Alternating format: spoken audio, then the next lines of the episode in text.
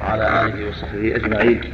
قال رحمه الله تعالى وعن عبد الله بن مغفل رضي الله عنه أن النبي صلى الله عليه وسلم قال من حفر بئرا فله أربعون ذراعا عطنا لماشيته. رواه ابن ماجه بإسناد ضعيف. وعن علقمة بن وائل عن أبيه رضي الله عنه أن النبي صلى الله عليه وسلم أقطعه أرضا بحضر موت. رواه أبو داود والترمذي وصححه ابن حبان. وعن ابن عمر رضي الله عنهما أن النبي صلى الله عليه وسلم أقطع الزبير خضر فرسه فأجرى الفرس حتى قام ثم رمى بصوته فقال أعطوه حيث بلغ الصوت. رواه أبو داود وفيه ضعف. وعن رجل من الصحابة رضي الله عنه قال غزوت مع النبي صلى الله عليه وسلم فسمعته يقول الناس شركاء في ثلاثة في الكلاء والماء والنار. رواه أحمد وأبو داود ورجاله ثقات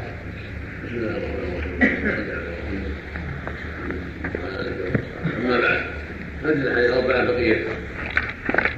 حديث المواد. سبق لنا كلام على المواد وصفة الإحياء. وهذا الحديث السادس يتعلق بما يتبع البئر إذا حفرت حديث عبد الله المغفل المزني من حفر بئر قصص من حفر بئرا فله أربعون ذراعا أربعون ذراعا عطرا لما شئت هذا الحديث مثل ما قال مالك أخرجه ابن ماجه بسند ضعيف لأن فيه إسناد إسماعيل المسلم المكي المعروف وهو ضعيف عند أهل العلم. قد وقع في الشرع عندنا سبل بن سلم أو بن سليم وغلط والصواب بن مسلم. المكي وضعفه الأئمة فلا تقم به حجة. وثبت من حديث سعيد المسيب مرسلا أن حليب البئر العادية خمسون ذراعا وحليب البئر البديء خمسة وعشرون وروي متصلا مرفوعا عن أبي هريرة رضي الله عنه وهذا ما في هذا الباب. البئر المحفورة يقول لها حليب خمسون ذراعا في البئر العادية القديمة إذا رممها وأصلحها وأحياها وإذا كانت بديئة لها خمس وعشرون ذراعا وليس في الباب ما يخالف حديث سعيد. ومراسيله جيده وقد جاءت متصلة أيضا. وهذا كله فيما يتعلق بالبئر أما إذا أحيا ما حولها بالزراعة أو بالغرس أو باقامه القصور والمباني فله ما أحيا. ولهذا في حديث وائل ونحط في حديث سمر المتقدم وجابر ونحط حيضها الأرض فقد احياها فإذا أحاطها قد أحياها بذلك. أو زرعها فقد احياها بذلك اجرى اليها الماء. لأن هذا يعد يعد إحياء عند أئمة اللغة وعند الفقهاء.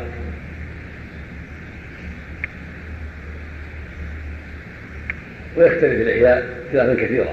فترة يحييها لأن يكون موردا للإبل. فله الحديث خمسون ذراعا العادية وخمسة وعشرون في البديل وثلاثة يحييها ليزرع عليها. أو ليغرس عليها فيكون له ما يقدر له من جهة ولاة الأمور وله ما يصل إليه ماؤه إذا أحيا. وترى يحييها من جهة البر لحاجة البيت والسكن. هذه أسهل وأيسر وأمرها أوسع. فإنها تبع الخطة التي خطت لك لبناء بيتك. داخلة الخطة التي خطت لها أو أو التي أحياء وأحاطها بأرض بدار أو أقام عليها البناء. هذه تابعة لما يحيي. وثلاثة يحييها للزراعة. فله ما أحيا بالزراعة. وإذا تنازع الناس تدخلت الجهات المسؤولة تحدث لكل ما يناسبه فالمتابعون يختلفون. هذا يستطيع أن يزرع كثيرا وهذا يستطيع يزرع قليلا قد يكثرون وقد يقلون فيتوسط ولاة الأمور فيما ينبغي عند كثرتهم وعند قلتهم وعلى حسب اختلاف قوتهم في الزراعه وضعفهم. كان الأمر عرفي ولي الأمر ينظر في المصالح العامة ويقدرها بقدرها بواسطة الخبرة والمعرفة. حديث الثاني حديث وائل النبي يقطع الأرض بحضرموت النبي يقطع جمع غفيرا من الناس. ولولي أمر يقطع قد أقطع بلالا وأقطع وائل وأقطع عبد الرحمن بن عوف وأقطع غيرهم. قطع الزبير. ولي الأمر له أن يقطع من الاراضي الميتة. ما يرى. وله أن يقطع من الأرض الحية التي ملكها بيت المال بالإحياء. إذا رأى ذلك مصلحه للمسلمين المقصود أن ولي الامر له أن يحيي احياء تمليك. له ان يقطع الطاعه تمليك وله يقطع الطاعه انتفاع وإحياء. وله ان يقطع المنافع دون غيرها فيقول لك أن تزرعها سنة أو سنتين أو ثلاثا وأشبه ذلك دون الملك هذا شيء إليه وهو ينظر في مصالح المسلمين. والحديث الثالث حديث ابن عمر. النبي صلى الله عليه وسلم اقطع الزبير بن عوام الأسدي اسد اسد قريش. ابن عمة النبي صلى الله عليه وسلم صفية وهو احد عشر المشهور لهم بالجنه رضي الله عنهم جميعا وهو الزبير بن عوام بن خويلد بن اسد بن عبد العزى بن قصي بن كلاب. ليس مع النبي قصي جده جد النبي الرابع فإنه محمد بن عبد الله بن عبد المطلب بن هاشم بن عبد الله بن قصي. هو جد النبي الرابع. وهو جد الزبير أيضا الرابع. زبير بن العوام بن خويلد بن أسد بن عبد العزى بن قصي وأمه صفية بنت عبد المطلب. أقطعه النبي صلى الله عليه وسلم ارضا في في بلاد بني النضير لما أجلاه النبي صلى الله عليه وسلم. ثبت في الصحيحين حديث أسماء وفي مسلم أيضا بسند بسند الصحيحين عن أسماء أنها كانت تنقل النوى من أرض الزبير. وكانت عن المدينة كما قالت اسماء ثلثي فرسخ يعني ميلين تقريبا قريب ثلاث كيلو عن المدينة وهي معروفة الآن وهي تقارب هذه المسافة عن المدينة. وكانت تنقل النوى منها إلى المدينة لدقه وإعداده للفرس. قال فكنت أسوس فرسه وأخرج غربة واعجل ولكني لا أستطيع لا اعرف الخبز وكان عندي نسوة من الأنصار يخبزني وكنا نسوة صدق. رضي الله عننا وأرضاهم.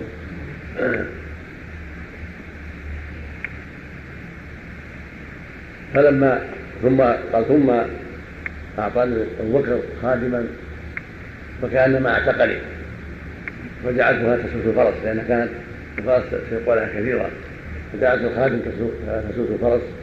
وأسماء تقوم بالبقية.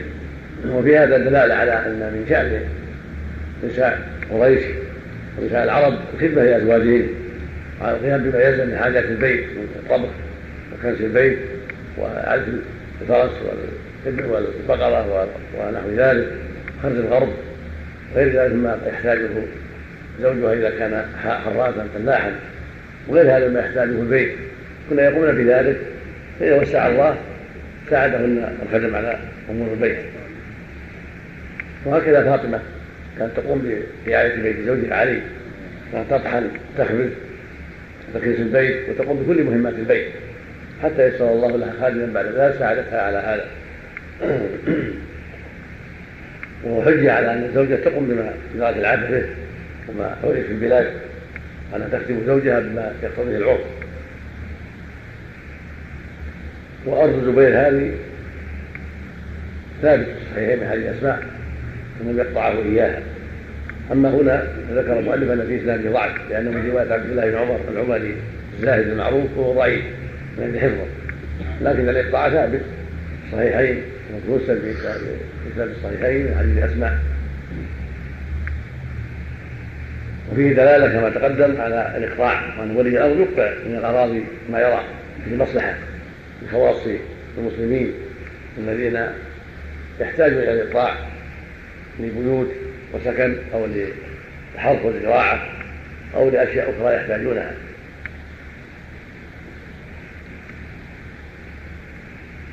واختلف الناس هل المقطع يملك أو يكون كالمتحجر يكون أولى بها فإن أحياها وإلا رفعت يده المشهور هو الثاني عند العلماء. ومذهب أحمد وجميع العلم أنه يكون كالمتحجر ويكون أخص بها من غيره فإن أحياها وإلا أمهل ما يراه الإمام فإن قام بالمطلوب وإلا نزعت منه إلى غيره ممن يحييها وينتفع بها. وقال آخرون يملك هذا التصرف في البيع والشراء ونحو ذلك وهو قول قوي في أن الإقراء يملك به تملك به الأرض. وإن قلنا بالملك كما يقوله جمع العلم فلولي الأمر أن يأخذ منه ما عجز منه عن إحيائه فيكون الرجوع ولي الأمر في هذا جائزا لأنه مصالح المسلمين ولهذا أخذ عمر بن بلال ما عجز عن إحيائه وأقطعه غيره.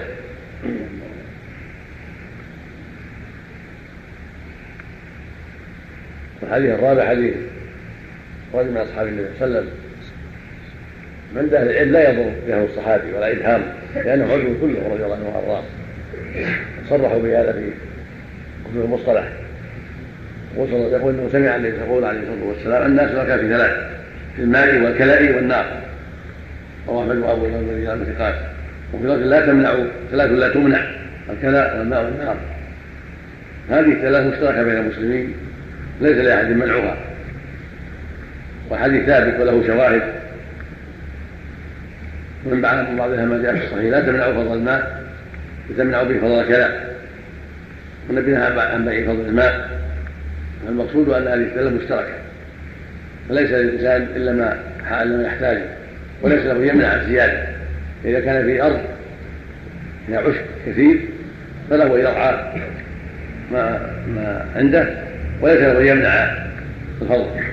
كذلك الماء عنده بئر أو غفير أو شبه ذلك ليس له أن يمنع الناس شركاء في هذه الأمور. وما حفره واستنبع استنبطه فهو أولى به لكن ليس له أن يمنع الفضل وما كان من فضل الله فهو أحق به أن يروى ويسقي ثم ياذن لغيره. ممن ورد الناس شركاء في هذه الأمور. وهكذا النار. ليس له أن يمنع ما من يستضيع بها أو يأخذ منها. يستضيع اختلف الناس في هذا المراد. هل المراد حطب يلتقى به النار أو المراد الحجر الذي هو الزناد أو المراد نفس النار إذا أوقدت والأقرب هو الثاني والأخير. المراد هو نفس النار إذا أوقدت. إذا كان عنده نار ليس له يمنع من يأخذ حاجته منها في ساعته أو في شيء آخر حتى يسترضي بذلك أو حتى يعلق في حطبه الذي عنده. أو ما أشبه هذا مما يحتاجه الناس. وهذا شيء لا يضر وينفع غيره. لا يضره سماح لاخيه بالمشاركه في الكلى والنار وفضل وينفع غيره ويضر غيره معه. فلهذا جاءت الشريعة بعد منع ذلك وأنه لا يجوز منع هذه الأمور بل الناس فيها شركاء لكن من سبق إلى شيء منها فهو احق به بقدر حاجته. والله أعلم. نعم. الله الاقطاع يعني ما له حد ما له حد محدد؟ نعم. ما له حد يعني حديث الزبير كأنه يعني قطع يعني حب الفرس يعني ما في حد على نظر ولي الأمر. نعم ما في حد. حسب ما تقتضيه على حسب ما يرضى ولي الأمر. قد يقطع أشياء فيها وينتفع بها وينفعها وقد يقطع شيئا ينتفع البعض ويدعي البعض. لأن حاجة تدعو إلى ذلك. ولا يلزم المساواة في هذا. لا في الإقطاع ولا بين الاطفال يعني. الحاجة المساواه تلزم اذا دعت الحاجة بان صاروا كلهم يعني متكافئين كلهم محتاجين فالعدل أصله واجب. لكن قل ان يتكافئ الناس. نعم غالب يكون ميزه بين الناس. نعم. نعم. هل يقاس على هذه الأشياء غيرها إذا ثبت في بلد من البلاد أن الناس محتاجين لشيء أو في زمن من الأزمان؟ إذا دعت الضرورة كيف؟ إذا دعت الضرورة مثل اثارة مجاعة. وعند الناس بعض الناس عنده حبوب يحتاج الناس أو تمر. لولي الأمر أن يأخذ ذلك ويوزع على الناس. بالقيمة. المعتاده نعم. نعم.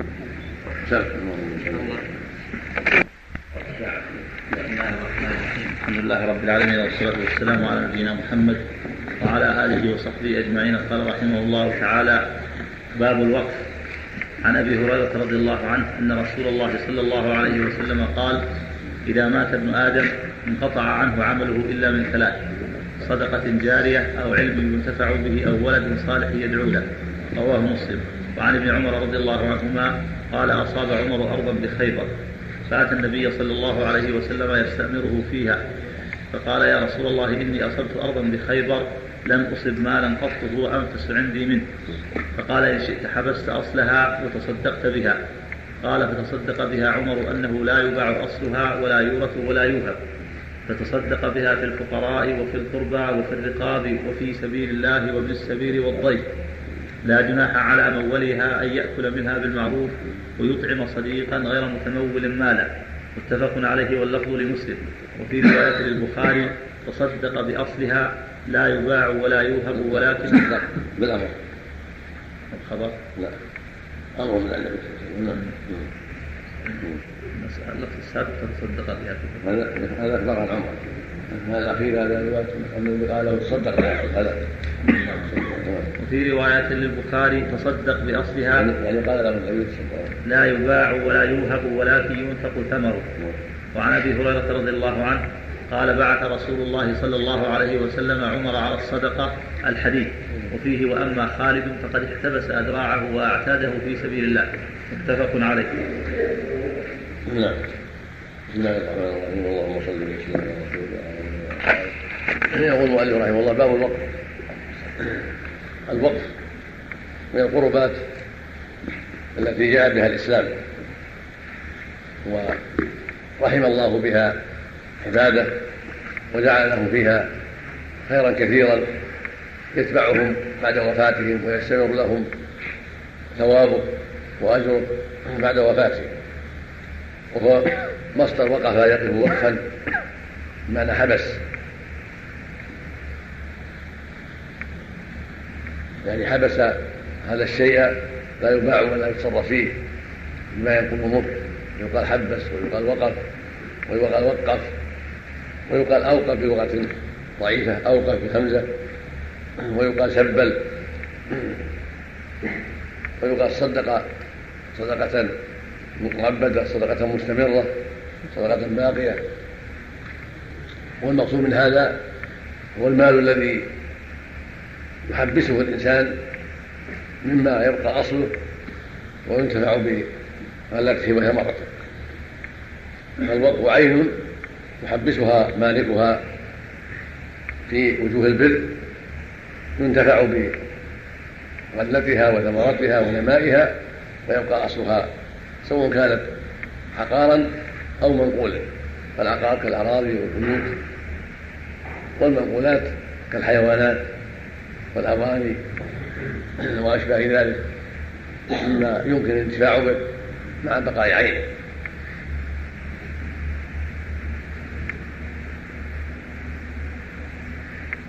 هو سنة وقربة. وليس بواجب ولكنه سنة وقربة.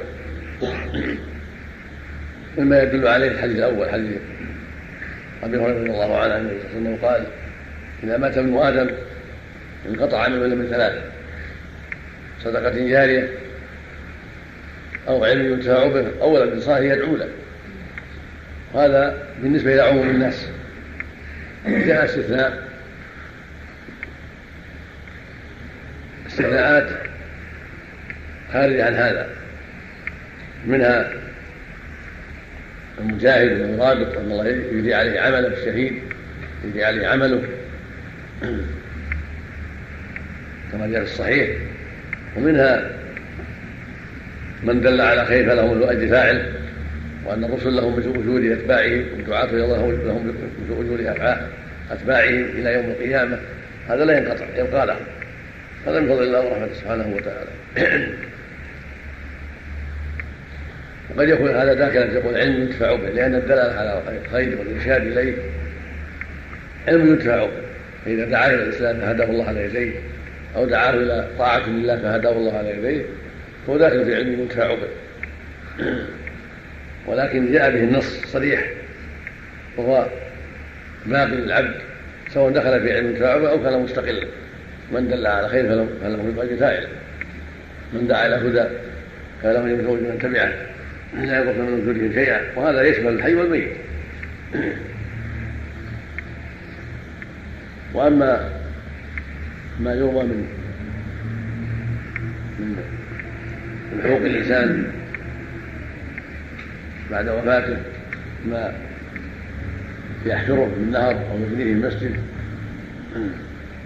أو يسد له المصحف أو غيره هو داخل في قول صدقة الجارية وإنما هو تفصيل لو صح.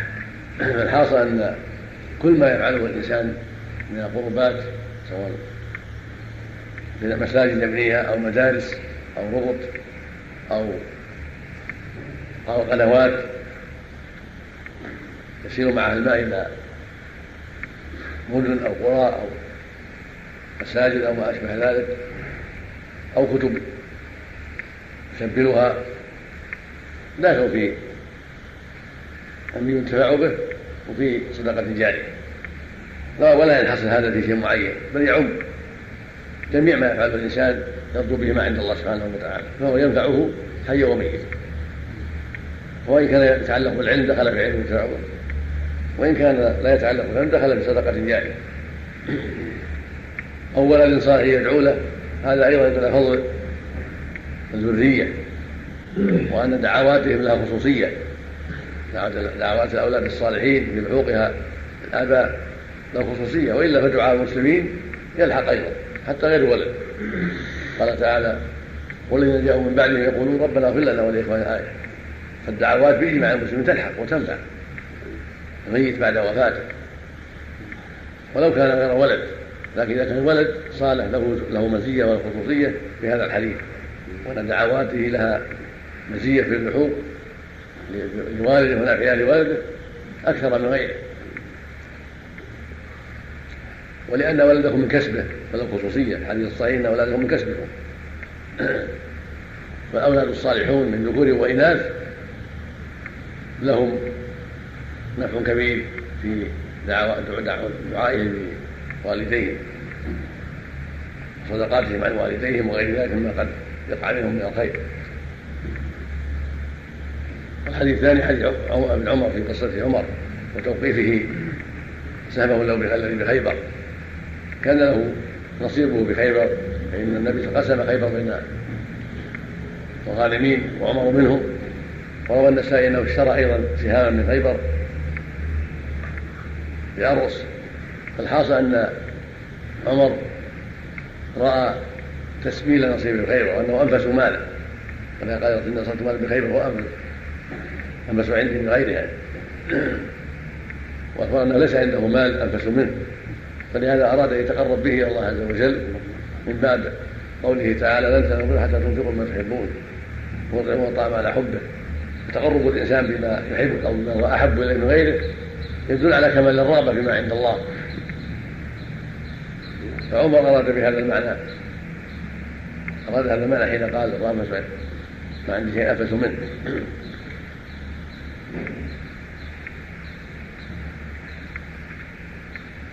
فأذن النبي صلى الله عليه وسلم أن يوقفه وبين له وجه ذلك. يتصدق بأصله لا يباع ولا يوهب ولكن ينفق ثمره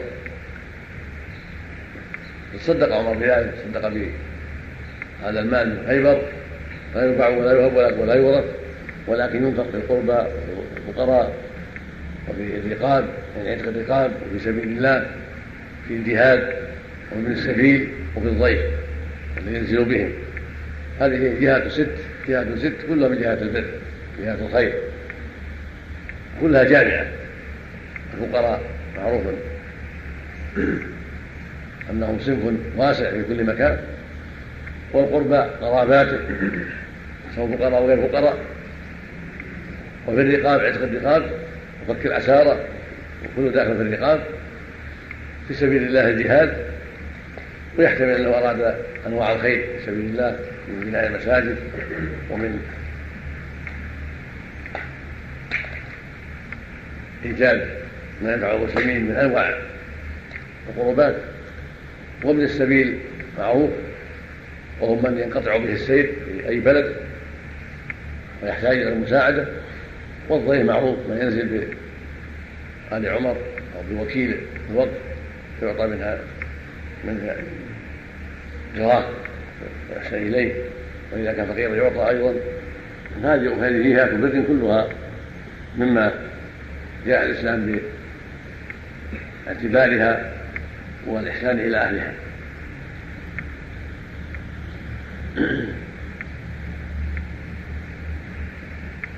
واحتج بها العلماء على أن الوقت لا يباع ولا حظ في الورثة لا يباع ولا يوهب ولا يورث وهو كإجماع من أهل العلم خلافا لأبي حنيفة رحمه الله.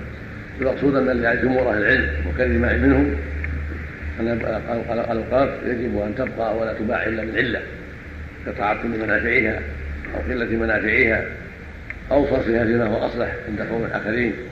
المقصود أنها تبقى وإذا نقل وإذا بيعت لا تباع للأكل أو للورث لا تباع لصرفها فيما هو أصلح. وهذا هو الصواب يعني إذا تعطلت منافعها أو قلت منافعها جاز بيعها. هذا هو المختار من قول من أقوال أهل العلم وهو الصواب. لأن المقصود من الأوقاف نفعها واستمرار الخير للميت الواقف فإذا تعطلت منافعه فائدة ما في ما في فائدة وقعه. أو قل نفعها لا فائدة فيها حينئذ. فإذا أمكن أن تباع وتجعل في شيء أكثر نفعا للميت والحي كان هذا موافقا للشريعة ولقواعدها العظيمة.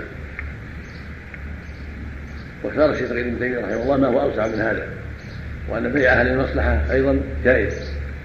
فإذا كانت تغل كل سنة مثلا ألف درهم وبإمكان الولي أن يبيعها أو يبدلها بشيء يغل ألفين أو ثلاثة كان هذا جائزا للمصلحة.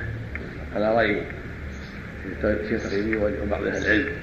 وصنفوا بهذه المصنفات من الحنابلة وغيرهم. الحاصل أن أن البيعة إذا تعطلت منافعها لا شك فيه أو قلت منافعها لا شك فيه. إنما الخلاف الذي له أهمية بيعها إذا كان بيعها أصلح وأكثر ضيعا هل يجوز أم لا يجوز؟ هذا محل خلاف قوي. والتثبت في هذا متعين لكن متى ظهرت المصالح وظهرت الفائدة التي تنفع الميت والحي؟ فالقول بجواز ذلك قول قوي موافق للقواعد لأن قاعدة الشريعة تحصيل أعلى المصلحتين ولو بتفويت دنياهما. تفويت كبرى المسألتين والمفاسد ولو ولو بارتكاب ادناهما أو اثنان هذه قاعدة معروفة بها الشرع والقدر. والحديث الثالث حديث النوال في قصة خالد.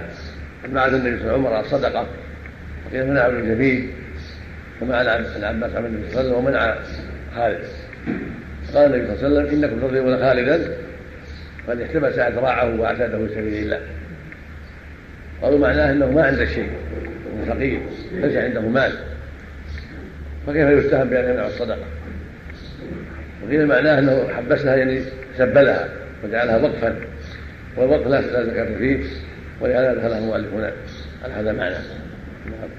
سبل أدراعه وعتله يعني سلاحه في سبيل الله جعله وقفا في سبيل الله. وما كان بهذه المثابة لا زكاة فيه إنما الزكاة في المملوك. ثم الأدرع والأعداد لا تكون محل زكاة إلا إذا كانت للتجارة للبيع والشراء. فإن قال المؤلف له في هذا الباب على أحد أقوال العلم الذين يقولون أن المراد بذلك أن سبلها فلا يكون فيها زكاة والله أعلم. اللهم الجهات اللي أوقفها عمر باختيار منها بدون أمر من الرسول عليه السلام ظاهر السياق انه أنه اختار أنه اختاره. هذا ظاهر الواقع. ولا يمنع منكم الرسول توجه إلى شيء منها. وقرروا عليها. نعم. لكن اقرها النبي صلى الله عليه وسلم وامضاه نعم. نعم. أقول القربى ظاهر ان أغنياء سواء كانوا أغنياء أو فقراء أغنياء صلاه رحم نعم. صلاه رحم مطلقا نعم. لكن يعني جزء منها. جزء منها يعني يعطى يعطى منها. كل هؤلاء جهة. يعطى منها قليل صدقة وهدية يعطى منها الفقير يعطى منها الفقراء الاقرب فالاقرب يفك منها الاسارى لا الولي قد ينتهي إذا رجع في القربى لا لا من الضيعه المفروض الضيعه من الضيعه لا جناح على وليها. ثم الفائده يقول لا جناح على وليها أيضا أن الوالي يأخذ بها بالمعروف وفي الوكيل. في مقابل تعبه إذا شاء إذا أحب ذلك. قال العلماء ولا بأس يفرض له الحاكم شيئا إذا خاف أن يسرف أو تورعه أبى يأخذ. لا بأس يلقاه الحاكم شيئا معلوما في مقابل عمل. وإن أخذ ما يقابل عملا بالمعروف من أكل وشرب واللبس ونحوها لا بأس كما قال عمر نعم يعني قد ينتهي الريع في جهة يعني من الجهات هذا يرجع إلى ولي الوقت؟ ينظر اصلح قد يكون بعض الأحيان محله ليس فيه فقراء. قد يكون بعض الأحيان ما يجيه غير. قد يكون ما في رقاص. يعني ولي أو ولي الوقت ينظر. ينظر المصالح يعني. يعني. ينظر يقدم له الأفضل فالأفضل. نعم هذا أحسن من جعل في المسجد يعني الوقت. نعم. يعني فعل عمر الآن أولى من فعله لا شك لأن قراب كثيرة. قراب متنوعة. قد يأتي قد يكون مسجد من القربات اللي يضطر الناس إليها وقد يوجد من المحسنين من يحكي عن هذا الوقت في قرب المساجد أو من الدولة. نعم. يكون هذا أولى يعني. تنويع أولى لا شك. تنويع أولى. نعم. من الطريق نعم. من الطريق هذا ما في خلاف علم الشغل لا يصلح إلا ينتفع به ويبقى اصله هذا الأصل. مثل الطريق نعم. مثل الطريق. كذلك الطريق. يعني ينتفع به مع بقاء إذا سبل طريقا للناس إذا سبل طريقا من بيته أو من أرضه إلى بلد من البلدان أو إلى قرية من القرى أو إلى مسجد فهو عمل صالح. هو المسجد لكن جهة الطريق هذا طيب. يصرف في المسجد الآخر يعمر المسجد الآخر. نعم. يعني ما خلى ما لا يعمر المسجد الآخر. على جنس ما وقف الله يعني تراجع الأوقاف يؤخذ يؤخذ القيمة وتصرف في المسجد الآخر. هذا هو الأحسن صرف الوقت مثله أو لا نعم. الوقف هذا ترى بيته وقف على المسجد هذا كالطريق هذا هذا هذا. هي القيمة تصرف في مثل ما نعم. بسم الله. لله رب العالمين والسلام على محمد وعلى آله وصحبه أجمعين. قال رحمه الله تعالى باب الهبة والعمرة والرقبة. عن النعمان بن بشير رضي الله عنهما أن أباه أتى به رسول الله صلى الله عليه وسلم فقال إني نحلت ابني هذا غلاما كان لي. فقال رسول الله صلى الله عليه وسلم أكل ولدك نحلته مثل هذا؟ فقال لا. فقال رسول الله صلى الله عليه وسلم فارجع. وفي لفظ فانطلق أبي إلى النبي صلى الله عليه وسلم ليشهده على صدقتي. فقال أفعلت هذا بولدك كلهم؟ قال لا. قال اتقوا الله واعدلوا بين أولادكم. فرجع أبي فرد تلك الصدقة متفق عليه. وفي رواية لمسلم قال فأشهد على هذا غيري. ثم قال أيسرك أن يكون لك في البر سواء؟ قال بلى. قال فلا إذن. وعن ابن عباس رضي الله عنهما قال قال النبي صلى الله عليه وسلم العائد في هبته كالكلب يقيء ثم يعود في قيئه. متفق عليه. وفي رواية للبخاري ليس لنا مثل السوء الذي يعود في هبته كالكلب يقيء ثم يرجع في قيئه. وعن ابن عمر وابن عباس رضي الله عنهم عن النبي صلى الله عليه وسلم قال لا يحل لرجل مسلم أن يعطي العطية ثم يرجع فيها إلا الوالد فيما يعطي ولده. رواه أحمد والأربعة وصححه الترمذي وابن حبان والحاكم. وعن عائشة رضي الله عنها قالت كان رسول الله صلى الله عليه وسلم يقبل الهدية ويثيب عليها رواه البخاري. وعن ابن عباس وعن ابن عباس رضي الله عنهما قال وهب رجل قال وهب رجل لرسول الله صلى الله عليه وسلم ناقة فأثابه عليها. فقال رضيت؟ قال لا. فزاده فقال رضيت؟ قال لا. فزاده فقال رضيت قال نعم رواه أحمد وصححه ابن حبان. وعن جابر رضي الله عنه قال قال رسول الله صلى الله عليه وسلم العمرة لمن وهبت له. بسم الله الرحمن الرحيم أما بعد هذه الأحاديث وما جاء في معناها تتعلق بالهبة. ويأتي ما يتعلق بالعمرة والركبة إن شاء الله. الهبة دلت النصوص والكتاب والسنة على جوازها وأنه لا حرج في الهبة والعطية والصدقة. فالهبة تكون لمقاصد دنيوية وقد تكون لمقاصد شرعية وقربة. فيكون لها حكم الصدقة أو حكم صلة الرحم أو حكم التبرر وطلب المواساة والإحسان وقد تكون عطية بمعنى أنها في حل مرض عند قوم يسمونها عطية إذا كانت المرض. قد تكون صدقة لأن الدافع لها والحامل عليها هو طلب الأجر. إذا كانت في حق الفقراء والمساكين وأبناء السبيل. فالحاصل أن الهبة بأنواعها سواء صدقة أو عطية أو هبة أو بأي نوع من الأسباب فإنها جائزة وضابطها أنها تكون عن غير عوض عن غير مقابل. فإن كانت لطلب الأجر طلب عليه اسم الصدقة وإن كانت لغير ذلك طلب عليه اسم الهبة الهبة والعطية والمنحة وأشبه ذلك. وهي جائزة بالنص والإجماع. ما لم يقترن بها ما يجعلها منكرة كالهبة التي تدفع تدفع للقضاة والعمال على سبيل الرشوة فتكون ممنوعة لأجل ما احتف بها من القصد السيء وهو حمل العامل أو القاضي أو الأمير على الحيف الحاصل أنها جائزة وأمرها ماضي ما لم يقترن بها ما يجعلها ممنوعة لكونها في حكم الرشوة أو لأسباب أخرى تقتضي منعها. كهبة بعض الأولاد دون بعض وشبه ذلك مما يحق به شيء يمنعه يمنعه ومن جملة ذلك عطية الأولاد. قد بدأ المؤلف في حديث النعمان. والنعمان بشير النعمان صحابي صغير ممن عقل النبي صلى الله عليه وسلم وحمل عنه. وأبو الصحابي هو الصحابي ابن صحابي رضي الله عنهما. فيها أن أباه وهبه غلاما. وجاء في الروايات أن أم النعمان هي التي ألحت على يزيد أن يعلقه غلاما له ليخصه بمنحة. وكان له أولاد من غير بنت رواحة من غير عمرة. وقد ما طلب بها بعض الوقت. فلم تزل تلح عليه حتى تقدم إلى النبي صلى الله عليه وسلم وأخبره بعطيته للنعمان الغلام. وكانت أمه طلبت من بشير أن يشير على على ذلك النبي صلى الله عليه وسلم. وأن يكون النبي شاهدا على هذه العطيه لتثبيتها وإقرارها. فبين له النبي صلى الله عليه وسلم الحكم وسأله هل هذا كلهم؟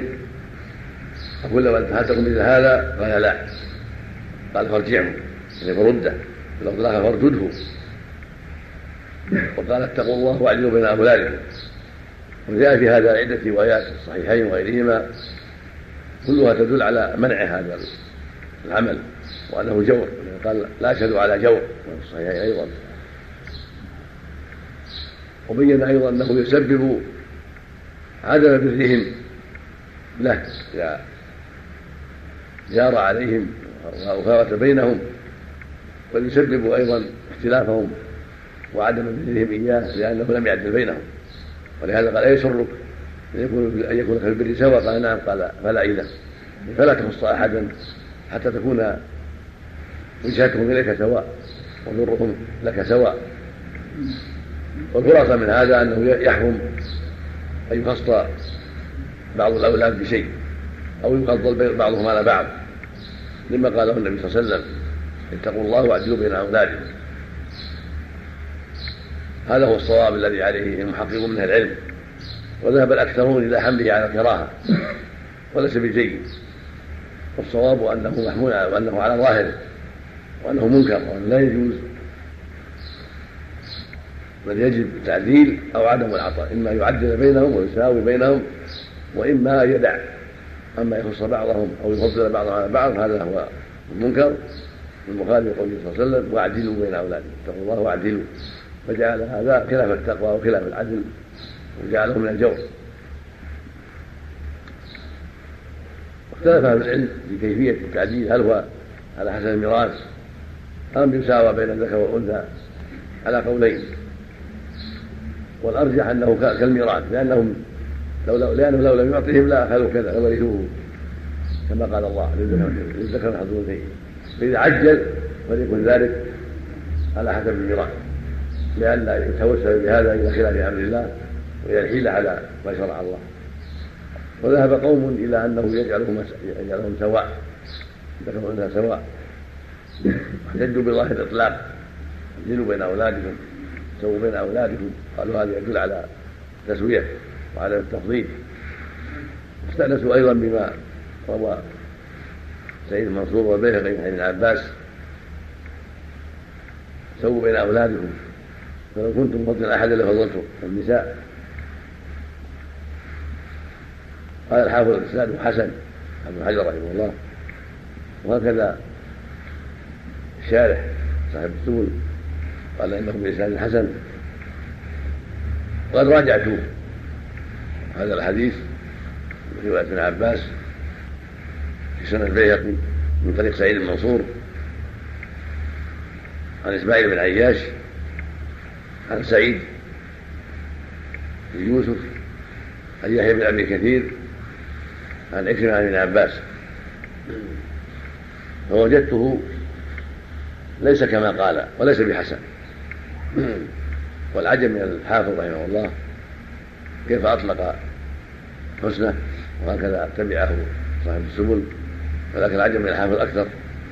فإن سعيد بن يوسف هذا ذكر صاحب التهذيب. صاحب التقريب أنه ضعيف ضعفه أحمد وابن معين والنسائي وغيرهم. ورمز له بعلامة أبي داود في المراسيل مد التقريب وما كان بهذه المثابة كيف يكون حسنا وفي هذا الرجل الذي ضعفه للعلم قال ابن عدي وأنكروا ما روي له. قال له مناكير قال وأنكرها ما روى ابن عباس. قال النبي قال سووا بين أولادكم ولو كنتم مفضلا لحد لفضلتم النساء. فنص على هذا الحديث. كما في التهذيب. وفي علة أخرى أيضا. وهي أن يحيى بن أبي كثير رواه عن أكرمة بالعنعنة ويحيى من المدلسين المعروفين. ومدلس إذا لم يصرح بالسماع لا يحتج بروايته عند أهل العلم فكان هذا هذا الحديث فيه علتان قادحتان.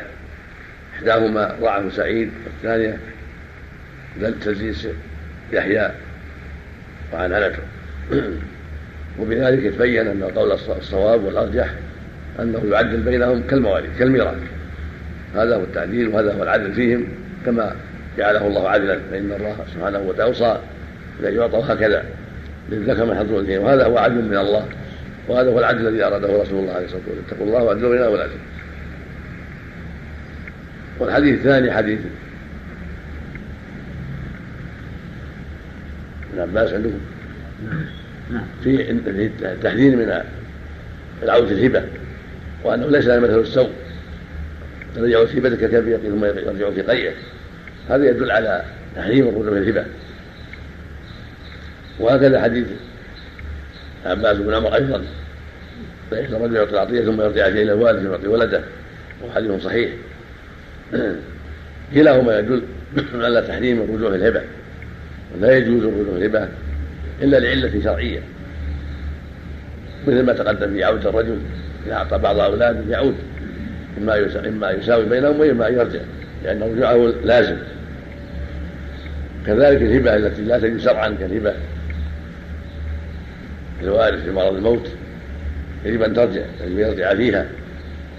كالهبة التي معنى الرشوة القاضي والعامل يجب أن يرجع فيها ويجب أن يردها من أخذها. كذلك الهبة التي معنى البيع حكم البيع كالهبة التي يعطيها المقصود للفاضل كما يهدى للملوك والأمراء والأغنياء لطلب الرفق. هذه هبة ليست مقصودها التبرر وإنما مقصودها العوض كحديث كما في حديث ابن عباس في قصة الناقة. قعود أو قعود لأنه صلى الله عليه وسلم لم يزل يعطيه حتى أرضاه لأنها أتاها لقصد العوض ولم يزل رضيت حتى رضي في ثانية هذا يدل على أن الهبة التي للمال والعوض ليست مثل الهبة الأخرى التبرر والمودة أو الصدقة بل هذه لا بد فيها من العوض لأن صاحبها صاحبها أراد العوض فإما أن يرضى وإما أن ترد عليه هبته وألحق بعض أهل العلم بذلك هبة المرأة لزوجها والرجل لامرأته إذا كان المقصود هبتها له لئلا يطلقها. ومن هبته لها أن أن تعدل سيرتها وأن تستقيم في إخرتها له.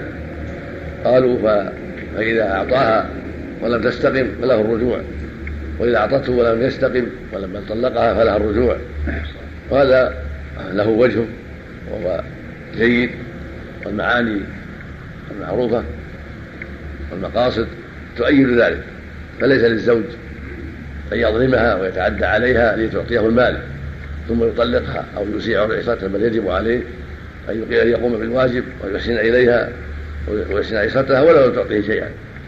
فإذا أعطته شيئا لقصد الاستقامة فليس له ليتملكها إلا بهذا إلا بهذا العمل الطيب.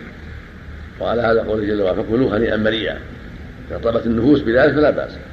أما إذا كانت النفس لم تطب وإنما دفع له كالعوض ليستقيم يدع ظلمها وأذاها أو أو يمسكها فهي عطية مشروطة في المعنى. كان النبي صلى الله عليه وسلم في هذه العشر إذا كان يقبل الهدية ويثيب عليها. هذا يدل على أن المعطى يشرع له ويثيب. تأسى بالنبي صلى الله عليه وسلم. فإنه كان يثيب المهدي فينبغي للمعطى أن يثيب. وهذا والله أعلم فيما يتعلق بالهدية التي ليس فيها قصد الصدقة وليست لمن لا يرضى بأن يقابل. كانت يثيب عليها. هذا يدل على أن المعطى يشرع له ويثيب. تأتى بالنبي صلى الله عليه وسلم فإنه كان يثيب المهدي فينبغي للمعطى أن يثيب. وهذا والله أعلم فيما يتعلق بالهدية التي ليس فيها قصد الصدقة وليست لمن لا يرضى بأن يقابل. كانت للمثل قرين وشبه ذلك. أما إذا كانت الهدية لمن؟ ممن لا يرضى بالمقابل وليس من العرف يعطى مقابل فليس داخلا في هذا. فإن هدية السلطان إلى غيره والراعي والرعية ليس لها مقابل. إلا الدعاء بالهداية والتوفيق. كذلك صدقة للفقراء والمساكين وأبناء السبيل ليس لها مقابل إلا الدعاء. فالمراد بهذا والله أعلم الهدية التي مثلها يقابل بين الأقران والأصحاب والأقارب. فالنبي كان يقبلها ويجب عليها عليه الصلاة والسلام. وهذا هو السنة وهذا هو هذه المروءة هذا الذي ينبغي. حتى تسود المحبة بين الجميع حديث تهادوا تحابوا ويأتي فالتهادي فيه تقريب للقلوب وتأليف للقلوب وتعاون على الخير ونوع من أسباب الصفاء والأنس بينهم من المهاداة والتعاون في ما جرت به العادة. وهكذا بين الجيران التهادي بين الجيران. أمر مطلوب. لصفاء القلوب والتعاون على الخير والتأليف. والله سبحانه وتعالى أعلم. سم نعم. الهدية تسمى الصدقة تسمى هدية على هذا نعم. الصدقة تسمى هدية.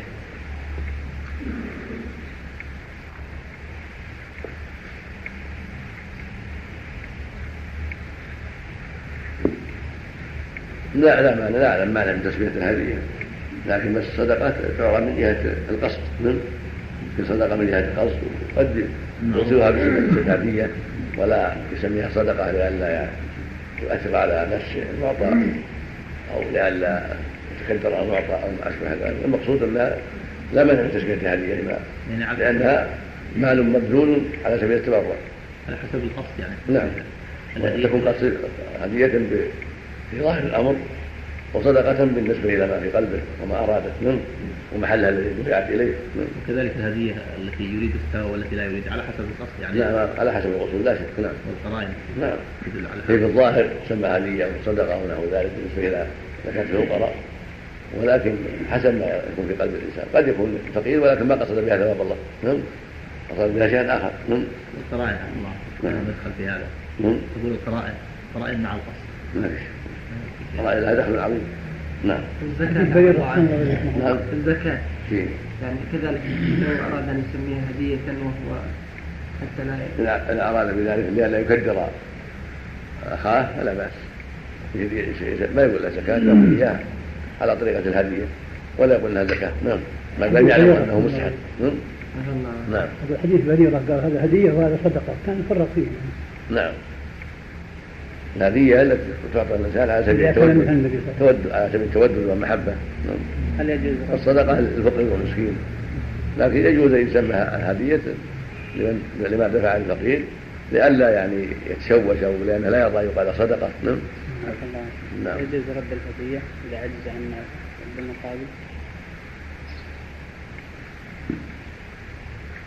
لا ما يظهر لي. النبي كان يقبلها ولا يردها. لكن انت ان استطاع المقابل ولا لا يردها. إلا إذا كان المهدي يريد المقابل. إذا مثل كان يريد ولا يستطيع. إذا كان يريد المقابل يقول يا أخي ما يردها لي يقول ما يتعذر بعذر مناسب نعم. حكم الرد نعم. حكم نعم. رد الهدية حكم رد الهدية فالاظهر والله أعلم أنها لا ينبغي ردها إلا لعلة. لأن ردها خلاف السنة. إلا لعلة إذا كان الراد يرى أن المفتي يريد مالا كثيرا يريد يعني زائدا ولا يستطيع.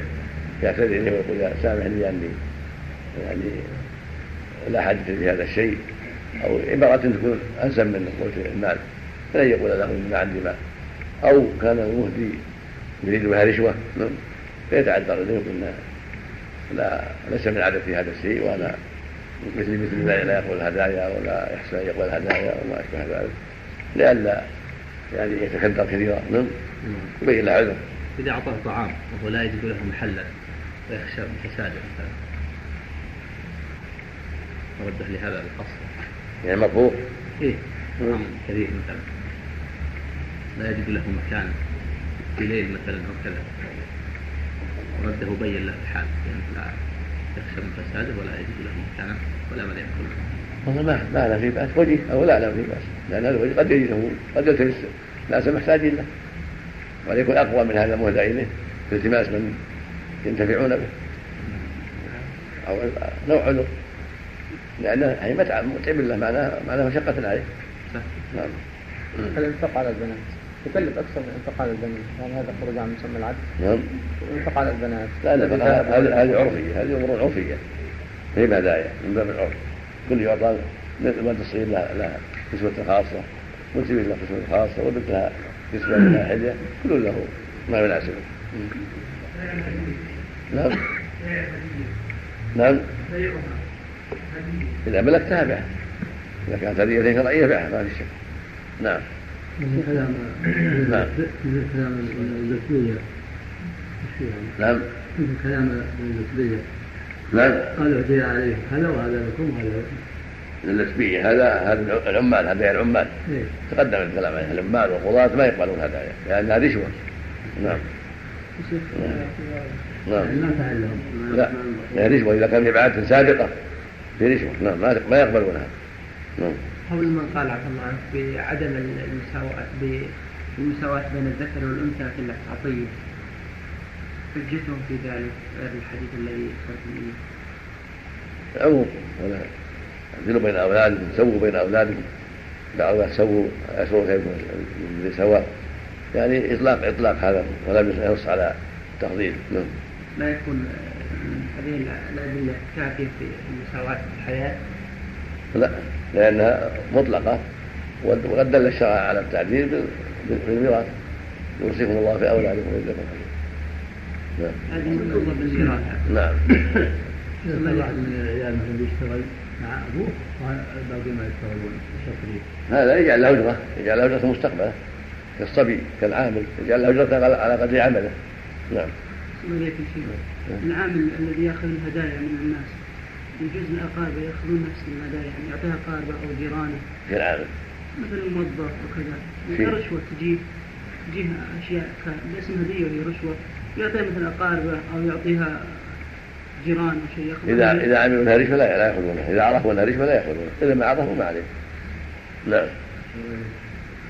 سم الحمد لله رب العالمين والصلاة والسلام على نبينا محمد وعلى آله وصحبه أجمعين. قال رحمه الله تعالى وعن جابر رضي الله عنه قال قال رسول الله صلى الله عليه وسلم الله مع أفتاء من الصحابة هذا ما عن الجهل يعني من أحسن تدعم ويقضي لأن مثل هذا لا لا يشعر بالسؤال عنه والنصر فيه وإنما هو التساهل والغفلة وعدم المبالاة وإذا كان صام هذه السنة ولكن لا يستطيع أن يصوم الشهر يضيع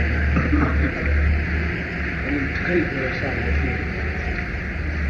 يعني صحته ليش؟ المعلوم نعم وعن جابر رضي الله عنه قال قال رسول الله صلى الله عليه وسلم القضاء حتى حتى يقع ولا ولا ولا العمرة لمن وهبت له متفق عليه نعم نعم ولمسلم امسكوا عليكم اموالكم ولا تفسدوها فانه من اعمر عمرا فهي للذي أعمرها حيا وميتا ولعقبه وعن جابر وعن جابر رضي الله عنه قال قال رسول الله صلى الله عليه وسلم العمرة لمن وهبت له متفق عليه. ولمسلم أمسكوا عليكم أموالكم ولا تفسدوها. فإنه من أعمر عمرا فهي للذي أعمرها حيا وميتا ولعقبه وفي لفظ إنما العمرة التي أجازها رسول الله صلى الله عليه وسلم أن يقول هي لك ولعقبك. فأما إذا قال هي لك ما عشت فإنها ترجع إلى صاحبها. ولأبي داود والنسائي لا ترقبوا ولا تعمروا. فمن أرقب شيئا أو أعمر شيئا فهو لورثته. وعن عمر رضي الله عنه قال حملت على فرس في سبيل الله فأضاعه صاحبه فظننت أنه بائعه برخص. فسألت رسول الله صلى الله عليه وسلم عن ذلك فقال لا تبتعه وإن أعطاته بدرهم. الحديث متفق عليه. وعن أبي هريرة رضي الله عنه عن النبي صلى الله عليه وسلم قال تهادوا تحابوا رواه البخاري في الأدب المفرد وأبو يعلى بإسناد حسن. وعن أنس رضي الله عنه وعن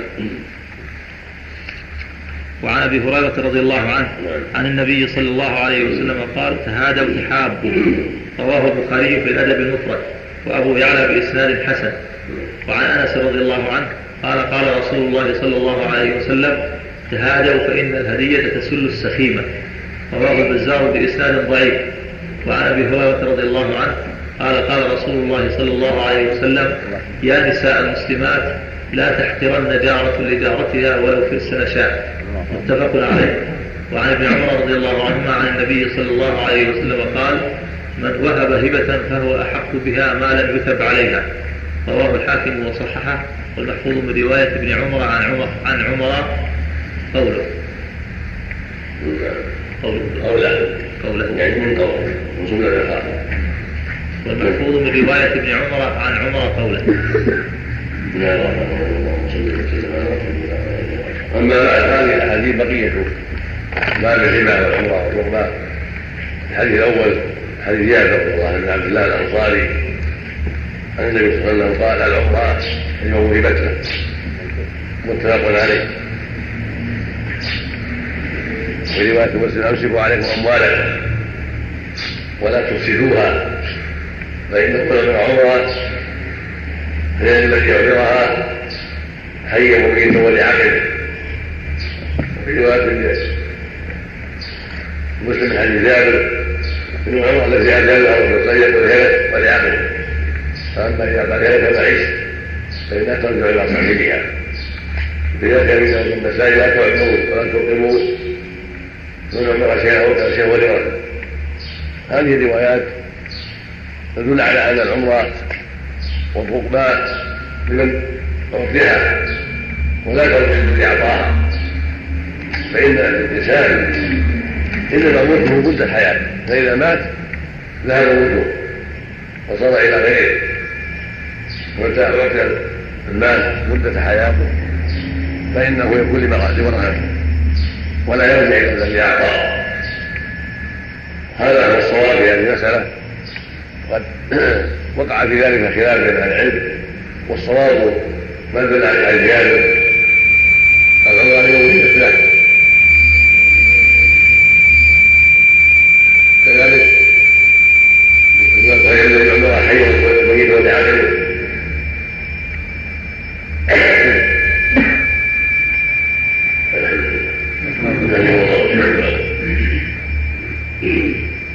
وفي الصحيحين عن ابي هريره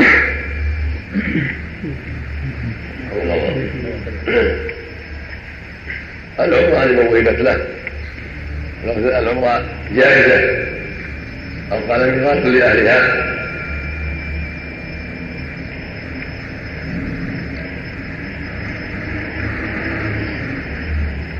فأما قول جابر الرسول يقول هذا هو العاقل فأما إذا غير كما إذا ترجع صحيح هذا ما استنبطه هو. واجتهد فيه. والأمر ليس كذلك بل ظاهر النص أن العمر مطلقة بموهبته وإذا قال ما عشت أو لك حياتك أو لك عمرك أو ما دامت رقبتك حيا أو ما دمت حيا فهذا كله معنى واحد فهي تكون له لعاقبه ولا ترجع إلى الذي أعطاه. لأن هذا هو ملك الإنسان ملكه هو حياته. فإذا زالت حياته انتقل المال للورثة بخلاف إذا قال لك السكنى تسكنها فقط مدة معلومة أو لك السكنى حياتك فقط هذا لم يعرف وإنما أمره. السكن السكنى والمنفعة. هذا شيء وذاك شيء. والحاصل من هذا أن الصواب أن العمرة يملكها المعمر وهو ورثته ولا ترجع إلى المعمر المنقذ. هذا هو الصواب في هذه المسألة وهو مقتضى الأحاديث الصحيحة خلافا للجاهلية. الجاهلية ترى ترجع إلى صاحبها فيكثر النزاع والفتن وتذهب أجيال ويأتي أجيال تغير الأحوال. فالحاصل أن أن الرسول صلى الله عليه وسلم قضى فيها بخلاف ما في الجاهلية من رجوعها إلى صاحبها بل متى أمره إياها صارت ورثته بعده ولا ترجع الذي أعطاه. فهي كاذبة كاذبة والحديث الثاني حديث عمر رضي الله عنه إنه حمل على فرس في سبيل الله. يعني صدق لمن يجاهد عليه. فأضاعه صاحبه. يعني أهمله ما قام عليه كما ينبغي. من الوقت المناسب فظننت أنه بايع برخص أراد عمر أن يشتريه منه ليكرمه ويعده للجهاد. فقال لا لا تبتعه وإن أعطاكه بدرهم الحديث. سماه فإن العائدة في هيبته كالعائدة في قيده فإن مثلا عايز زيادة كالكلب يقينهم يرجع في قيده فدل ذلك على أن من صدق بشيء أو سبل أو حبس لا يرجع فيه. بل مضى وصار إلى الله وليس له الرجوع فيه. فإن كان أعطاه فقيرا صار للفقير وملكه الفقير. فليس له الرجوع في ذلك. ولا شراء أيضا حتى الشراء. ليس له أن يشتريه لأنه إذا اشتراه فقد يسامحه صاحبه فيكون في معنى الرجوع في بعض الشيء لأنه يستحي ولا يكاسره ولا يشدد عليه ويبيعه إياه بما شاء فسد الباب عليه الصلاة والسلام ومنع الشراء لأنه وسيلة إلى العودة في المصدق به من جهة بعض الشيء لأن إذا كان الحيوان مثلا يساوي ألفا وأراد المصدق به أو الواهب له أن يشتريه فإن المصدق عليه قد يتساهل ولا يبيعه عليه بالسعر المناسب بل يستحي ويبيعه بأقل. يكون راجعا في جزء من مما صدق به. وهب تقدم حديث عائشه الرجل تعطيهم ويرجع فيها إلى الوالد الصدقه عطيه وهبه يرجع فيها بل شيء أخرجه لله لا يرجع فيه.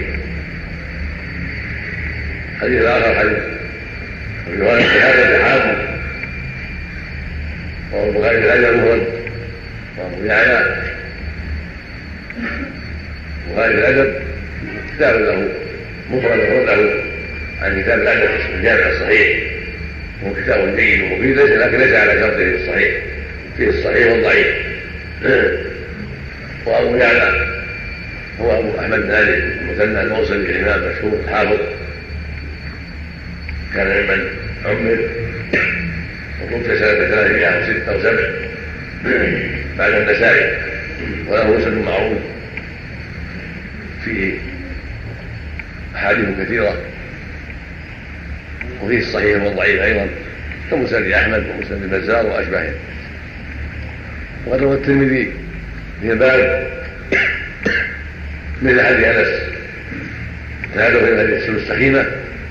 والبزار في ضعيف رواه الترمذي عن أبي هريرة بلفظ تهادوا فإن الهدية تذهب وحل الصدر أو قال تزيل وحل الصدر لكن في سنده ضعف من الترمذي.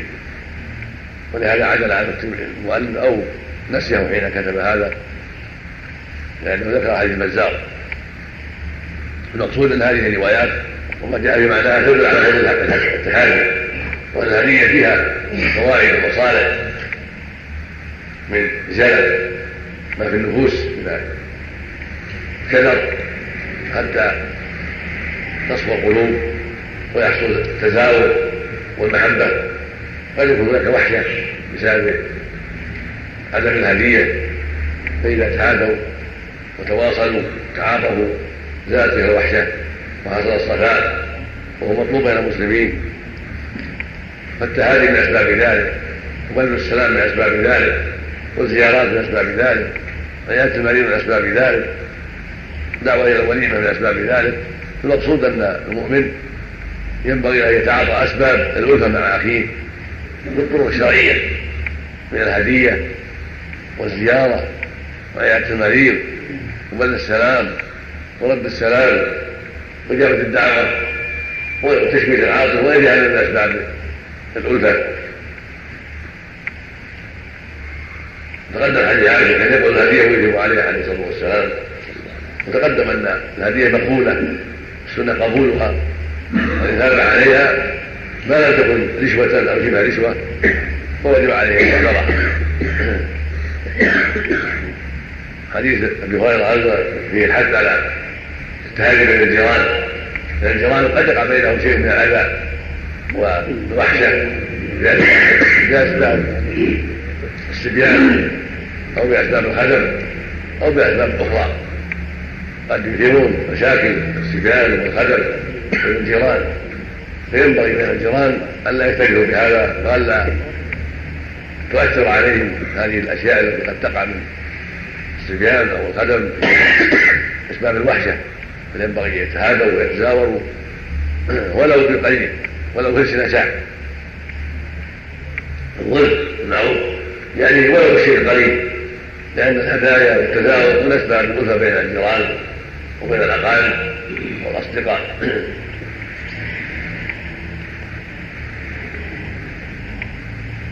قد يحتج به أيضا على أن مثل هذا يعفى عنه ولا يحتاج إلى مجاورة شيء الذي جرت العادة به فإنه خاطب النساء. والمرأة قد يكون لها أب أو زوج. خاطب الجميع. فدل ذلك على أن هذه مشروع للجميع. في الأمور التي العادة السماح بها وعدم منع زوجها والأب ونحو ذلك.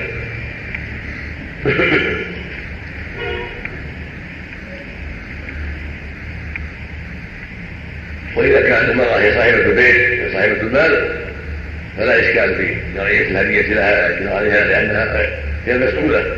وقد تكون فوقها أحد من أب أو زوج أو نحو ذلك فتهدي ما جرت العادة في إهدائه بمشاورة أو بغير مشاورة. والحديث الأخير حديث عمر. وهذا هبة فهو أحق بها ما لم يتب عليها. عنه والمحفوظ عنه موقوف في رواية عمر كان يقول من أهدى من أهدى وهذا هبة فهو أحق بها. ما لم يتب عليها؟ ما لم يجاز عليها؟ والمراد الهبة التي يراد بها العوض. فلا بد من إعطائه العوض أو رد هبته إليه. ولا يتملكها يتملكها هكذا. ولا يعرف بالقضايا والعرف والعادة. فإن الناس يهدون الأمراء والكبراء والأغنياء يريدون الرزق والزيادة. وليس من عادتهم أن يأتوا إلى الأمراء والكبراء أو الأعرابي يأتي إلى الحاضرة ليس من عدد يعطون بدون شيء. إنما يأتون ما يأتون من إبل أو بقر أو غنم أو سمن أو رقب. أو يأتي غير البدوي فيهدي إلى ولاة الأمور. كي يناسبهم من الحلي أو من الخير المجربة المعروفة أو الابن الأصائر أو إنما يريد المقاتلة والعوض فالحاصل أنه متى كانت الهدية في العرف يراد منها في المقابلة يراد منها العوض فليس لمن أخذها أن يترك العوض بل إما يعوض وإما يعيد الهبة لأنه بيع في المعنى. فالبيع كما يكون بالكلام يكون بالمعافاة وبالعرف السائل بين الناس. ولهذا تقدم حديث أبي هريرة الرجل أعطى النبي ناقه فاثابه عليها قال رضيت قال لا. ثم اثاب قال قال لا. ثم اثاب قال قال نعم. والنبي صراع في ذلك مقصد الوائد حتى ارضاه وهذا من كرم الأخلاق أو الأحسن من رده بعد أن تقدم بالهبة والهدية. كن يرضى أو لا يكون يترد عليه. يعطى حتى يرضى إذا استطاع من قبلها إذا استطاع ذلك. وإذا كان الوالد جشعا زائد لا يرضيه الا شيء يضره المعطى فلا بأس برده. والله أعلم. اذا إذا لم يمسكوا عليها. نعم. أقول إذا لم يمسكوا عليها. استرجع. لا له مطالبه نعم لأن ما ما ادى محبه له لا يريد المال. يقول أعطني والعرف محكر العرف محكر نعم. يكون هذا مخصص لحديث العائد في هبته؟ نعم مخصص مخصص بالله العمرة نعم نعم مملوكة تملك. نفس الشيء نعم الله عنه فهم جابر قلت فهم جابر رضي الله عنه مع الحديث صريحة في هذا. العمرة لمن وهبت له. ثم فهم جابر أنها ترجع إلى صاحبها إلى قرنها الله اعلم ما ادري الذي عرض له وما ادري الذي عرض له قد تكون يعني شيء شيء بقي في نفسه من أمر الجاهلية ظن أن أن هذا لا يعارض السنة وأن اذا قال عمره مثل ما قال يتبع السنة. فيعني ما اتضح لوجهه واستنباط قال فيه اجتهاد نعم. الحمل حملت على فرس. كلمة الحمد يسمى صدقة. في اللغة يعني يعني قال يقبل يعني جاهد عليها أما إذا قال هذا يزيد عليها لكن قصدي التعبير. والظاهر استعمل نعم. حمله أو عليها الكفر على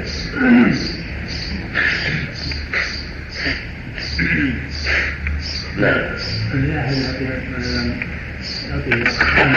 عن سمى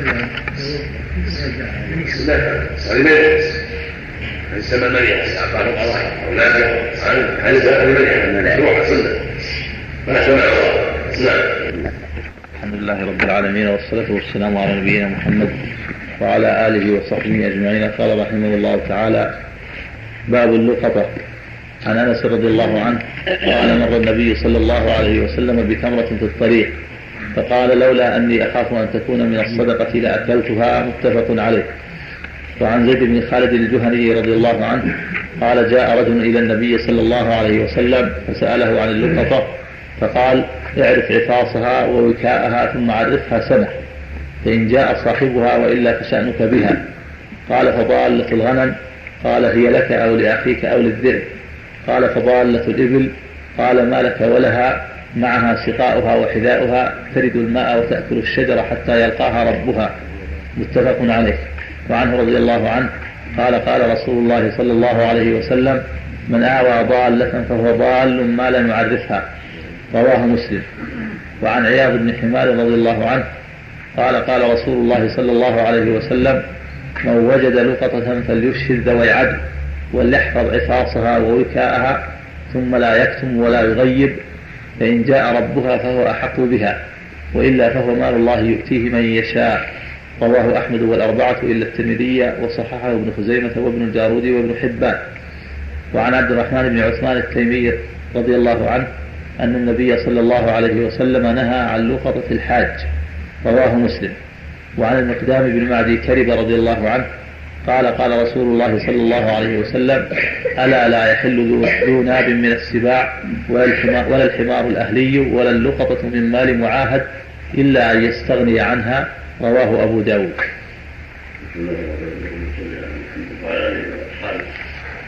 أما بعد هذه الأحاديث الستة باب متعلق باللقطة.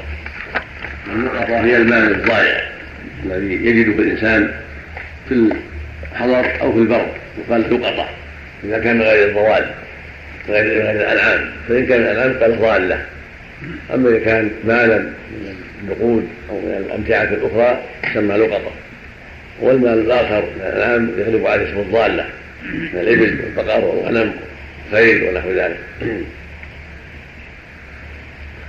الحديث الأول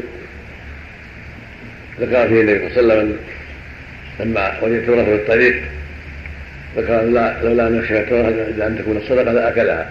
هذا يبين لنا أن الشيء الحقير لا بأس بأخذه والانتفاع به. لأن الرسول صلى الله عليه وسلم علل عدم أخذه لها عدم أكله لها خشيه ان تكون من الصدقة. والصدقه قد حرمت عن النبي صلى الله عليه وسلم. فلهذا ترك أكلها فدل ذلك على أن غيره لا بأس أن يأكلها. ممن لا تحرم عليه الصدقة. فيؤخذ من هذا الشيء الحقير مثل الذي عاد الرابع عنه مما يطرحه في الناس من عصا من شرح نعل من حبل من أشباه ذلك من الأمور التي يطرحها الناس ويسترد عنها الناس. بقايا التمر الذي تحت النخل بقايا السنابل التي تقع في الحصائد تقع في المزارع بعدما ينقلون الزروع وما أشبه الأشياء التي تقع من الناس. الصحيح فيها أنها عفو ما عرف بالعادة التجارب أنه معرض عنه وأن أهله لا يطلبونه فلا بأس بأخذه ردوا عن جابر هذا المعنى ما يدل على جواز الحبل والعصا ونحو لأن يلتقطه الإنسان ينتفع به. وكذلك حديث مثلا بعد كلمة الأخير. واللغة المال معاهد لا يستغني عنها. يعني يستغني عنها بكونها مما تجد العادة بالإعراض عنه وعدم طلبه. هذه يعفى عنها ويأخذها من وجدها أما ما سوى ذلك فلا بد فيه من التعريف إن كان مما يعرف. أما إن كان من الضوال التي لا تعرف فإنه يترك ويجتنب كالإبل واللقطة التي غير الإبل وما في معنى الإبل تؤخذ. ويعرف الإنسان عفاصها ووكاءها وكاء وكاء الربا. والعفاص الخطأ التي فيها الوعاية فيها النقود. في اللفظ الآخر في حديث زيد وفي حديث أبي بن كعب بن ثابت وعددها. اللفظ الآخر وعرف عفاصها وعددها وكاءها فالنافذ يعتني بهذه الأمور. يعرف العفاص والوكاء والعدد إن كان في كان شيء معدود. حتى إذا جاء طالبها يوم من الدهر وذكر هذه الصفات دفعت له. وهكذا إن كان فيها علامات أخرى مثل نسار مثل مزود غالي مثل أشياء فيها علامات يربط العلامات يكتبها ويقيدها عنده كما في حديث عياض الحمار ثم إذا جاء صاحبها وطابقت دعواه الصفات الدقيقة أو أقام البينة عليها دفعها إليه. وظاهر السنة أنه لا يحتاج إلى بينة متى وصفها للصفات المطابقة دفعت إليه. أما إذا كان بينة فمن باب أولى. والتعريف سنة كاملة. هذا هو الواجب. قد روي حديث أبي أكثر من سنة ولكن استقرت الرواية والسنة على السنة فإذا تعرفها سنة ولم تعرف صارت من من ملك وسائر وسائر مالك كما في حديث عياض رحمه الله يؤتي من يشاء. وقال سبقها كسائر مالك. وسبيلها سبيل مالك. فهي حكمها حكم مالك الذي عنده. يستنفقها ويأكلها ويتصدق بها فعل ما يشاء. فمتى جاء الطب الطالب يوم من الدهر سلمها لي ولا بعد السنة لكن في حال السنة لا تكون مالا له. إنما تكون من ماله بعد السنة ومن في الحول الأول تبع تبع مالكها والتعريف عرفي. ذكر العلماء أنه عرفي. حسب ما يحصل به العرف. حتى عرفه الناس. إذا عرفنا في الشهر سنة مرتين ثلاث أربع حسب المقصود. وينبغي الاكثار من التعريف أول ما يجدها. لأن صاحبها يطلب هذاك الوقت. يجتهد فينبغي يكثر من التعريف في أول الامر أكثر مما يكون في وسط السنة واخر السنة. لأن طلب لها في أول السنة يكون أكثر في الغالب. فلعل صاحبها يسمعه ويستفيد من ذلك التعريف ولو في بعد ولو في بعد ثم جامع الناس البوادي على نياحهم. المدن المدن حولهم مثل بادية الشرق الأحساء والدمام بادية الشمال بحائل وقصيم بادية الحجاز مكة والمدينة وجدة والأحزاب بادية النجد في بلاد النجد من المحلات التي يغلب على الظن أن صاحب اللقطة يرتاد تلك البلاد. وليس عليه إلا الظن والإجتهاد.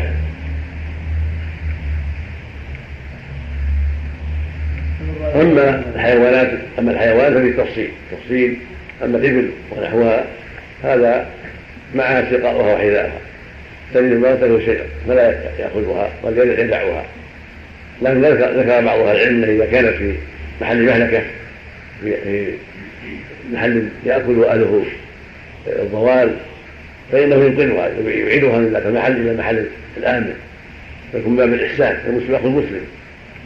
فيطردها من ذاك المحل الذي فيه الهلكة إلى محلات آمنة حتى لا يمكن أولئك الظلمة من أكلها. أو كانت في جد على خطر يأخذها ويسلمها لولي الأمر حتى لا تهلك إلى أمير البلد محكمة البلد السلطان وهذا له وجه. ولا شك إن إطلاق السنة يقيد بما تقتضيه المصلحة العامة. وإن دعا يعني حيث امكن انها تلد الماء وتكون شجر أما إذا كان في محل لا شجر فيه ولا ماء وليس فيه إلا المهلكة فإنه ينقلها إلى محل السلامة. إلى محل السلامة والقسط أو يسلمها لولي الأمر حتى تباع وتحفظ صفاتها وثمنها إلى إلى أن يأتي ربها عند وجود أسباب الهلكه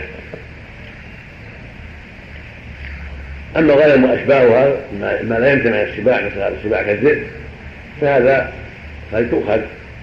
انها قد هلك أو لا في قول الذئب فيأخذها ويعرفها سنة فإن عرفت وإلا فهي ماله كسائر القطع وله يذبحها ويأكلها ويحفظها ويعرف قيمتها وله أن يبيعها في الحال ويحفظ صفاتها يعمل ما هو الأصلح. فإنها قد تكون في وقت خصب فيجعلها مع غنمه ولا يضره ذلك أو مع غنم أخيه. قد تكون في وقت جد فيبيعها لئلا تهلك قد تكون على صعبا عليه. فلو على فهلا كلف صاحبها مؤونة كبيرة. فيعمل الأصلح المسلم وفي المسلم. فإذا كان الأصلح بيعها باعها. أصلح أكلها أكلها في السفر. نقلها شق عليه. واكلها اسهل على مثلا كون سيارات على إبل. نقلها يتعبهم فاذا ذبحوها وحفظوا صفاتها وتقدروا ثمنها كان هذا أصلح لربها فهو يفعل ما هو الأصلح.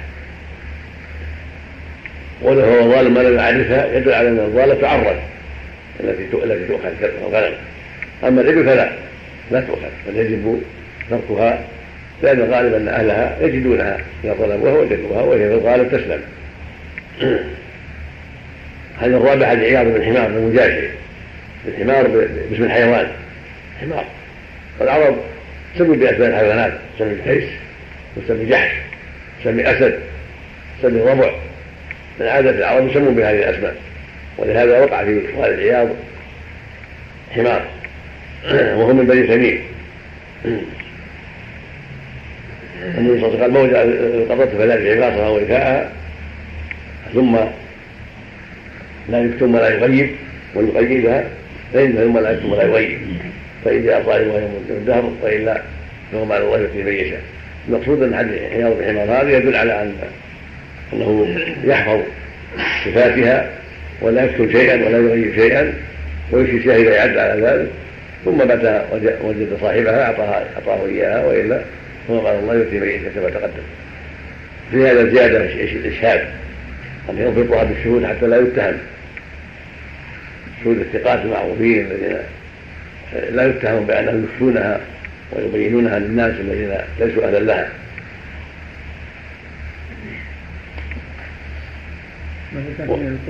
والحديث حديث عبد الرحمن بن عثمان التيمي فيه النهي عن عرض الحج.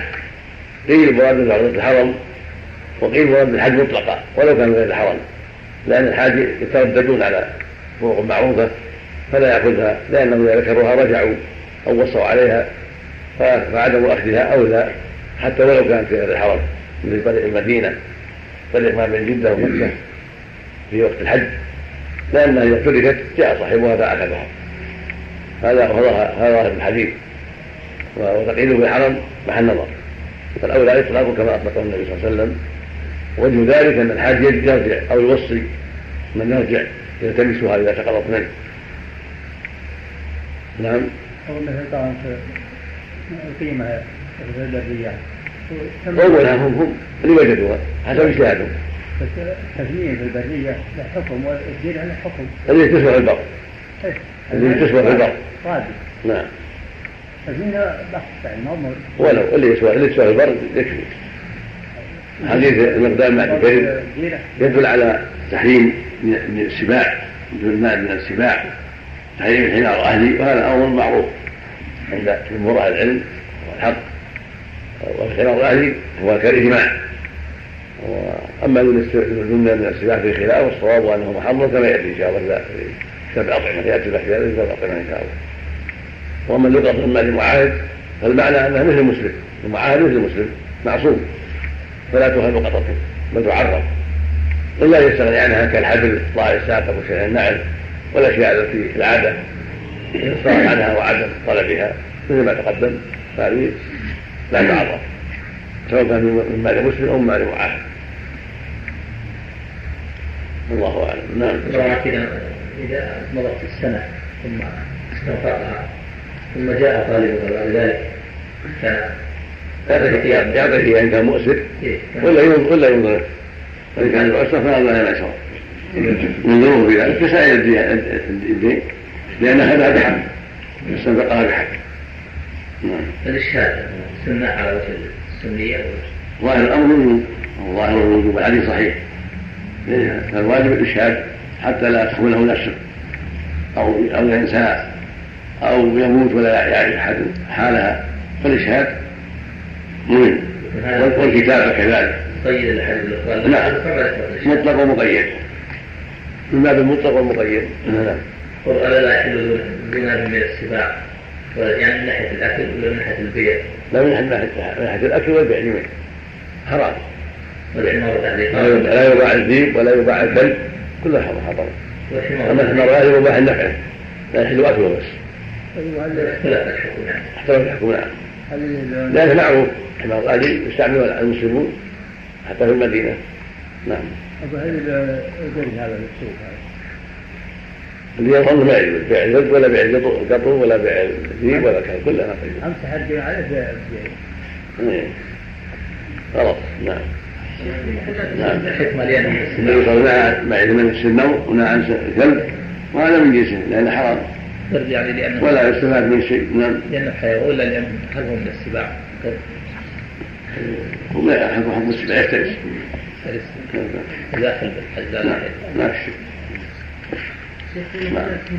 نعم نعم موجوده في الرياض. نعم. في الرياض تبيع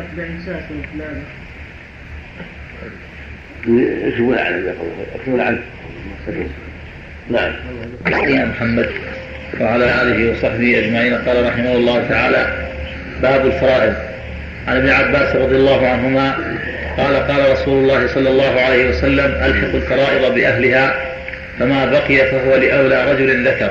متفق عليه. وعن أسامة بن زيد رضي الله عنهما أن النبي صلى الله عليه وسلم قال لا يرث المسلم الكافر ولا يرث الكافر المسلم. متفق عليه. وعن ابن مسعود رضي الله عنه في بنت وبنت ابن وأخت قضى النبي صلى الله عليه وسلم للابنة النصف ولابنة الابن السدس تكملة الثلثين. وما بقي فللأخت. رواه البخاري. وعن عبد الله بن عمرو رضي الله عنهما قال قال رسول الله صلى الله عليه وسلم لا يتوارث أهل ملتين رواه أحمد والأربعة إلا الترمذي وأخرجه الحاكم بلفظ أسامة. وروى النسائي حديث أسامة بهذا اللفظ.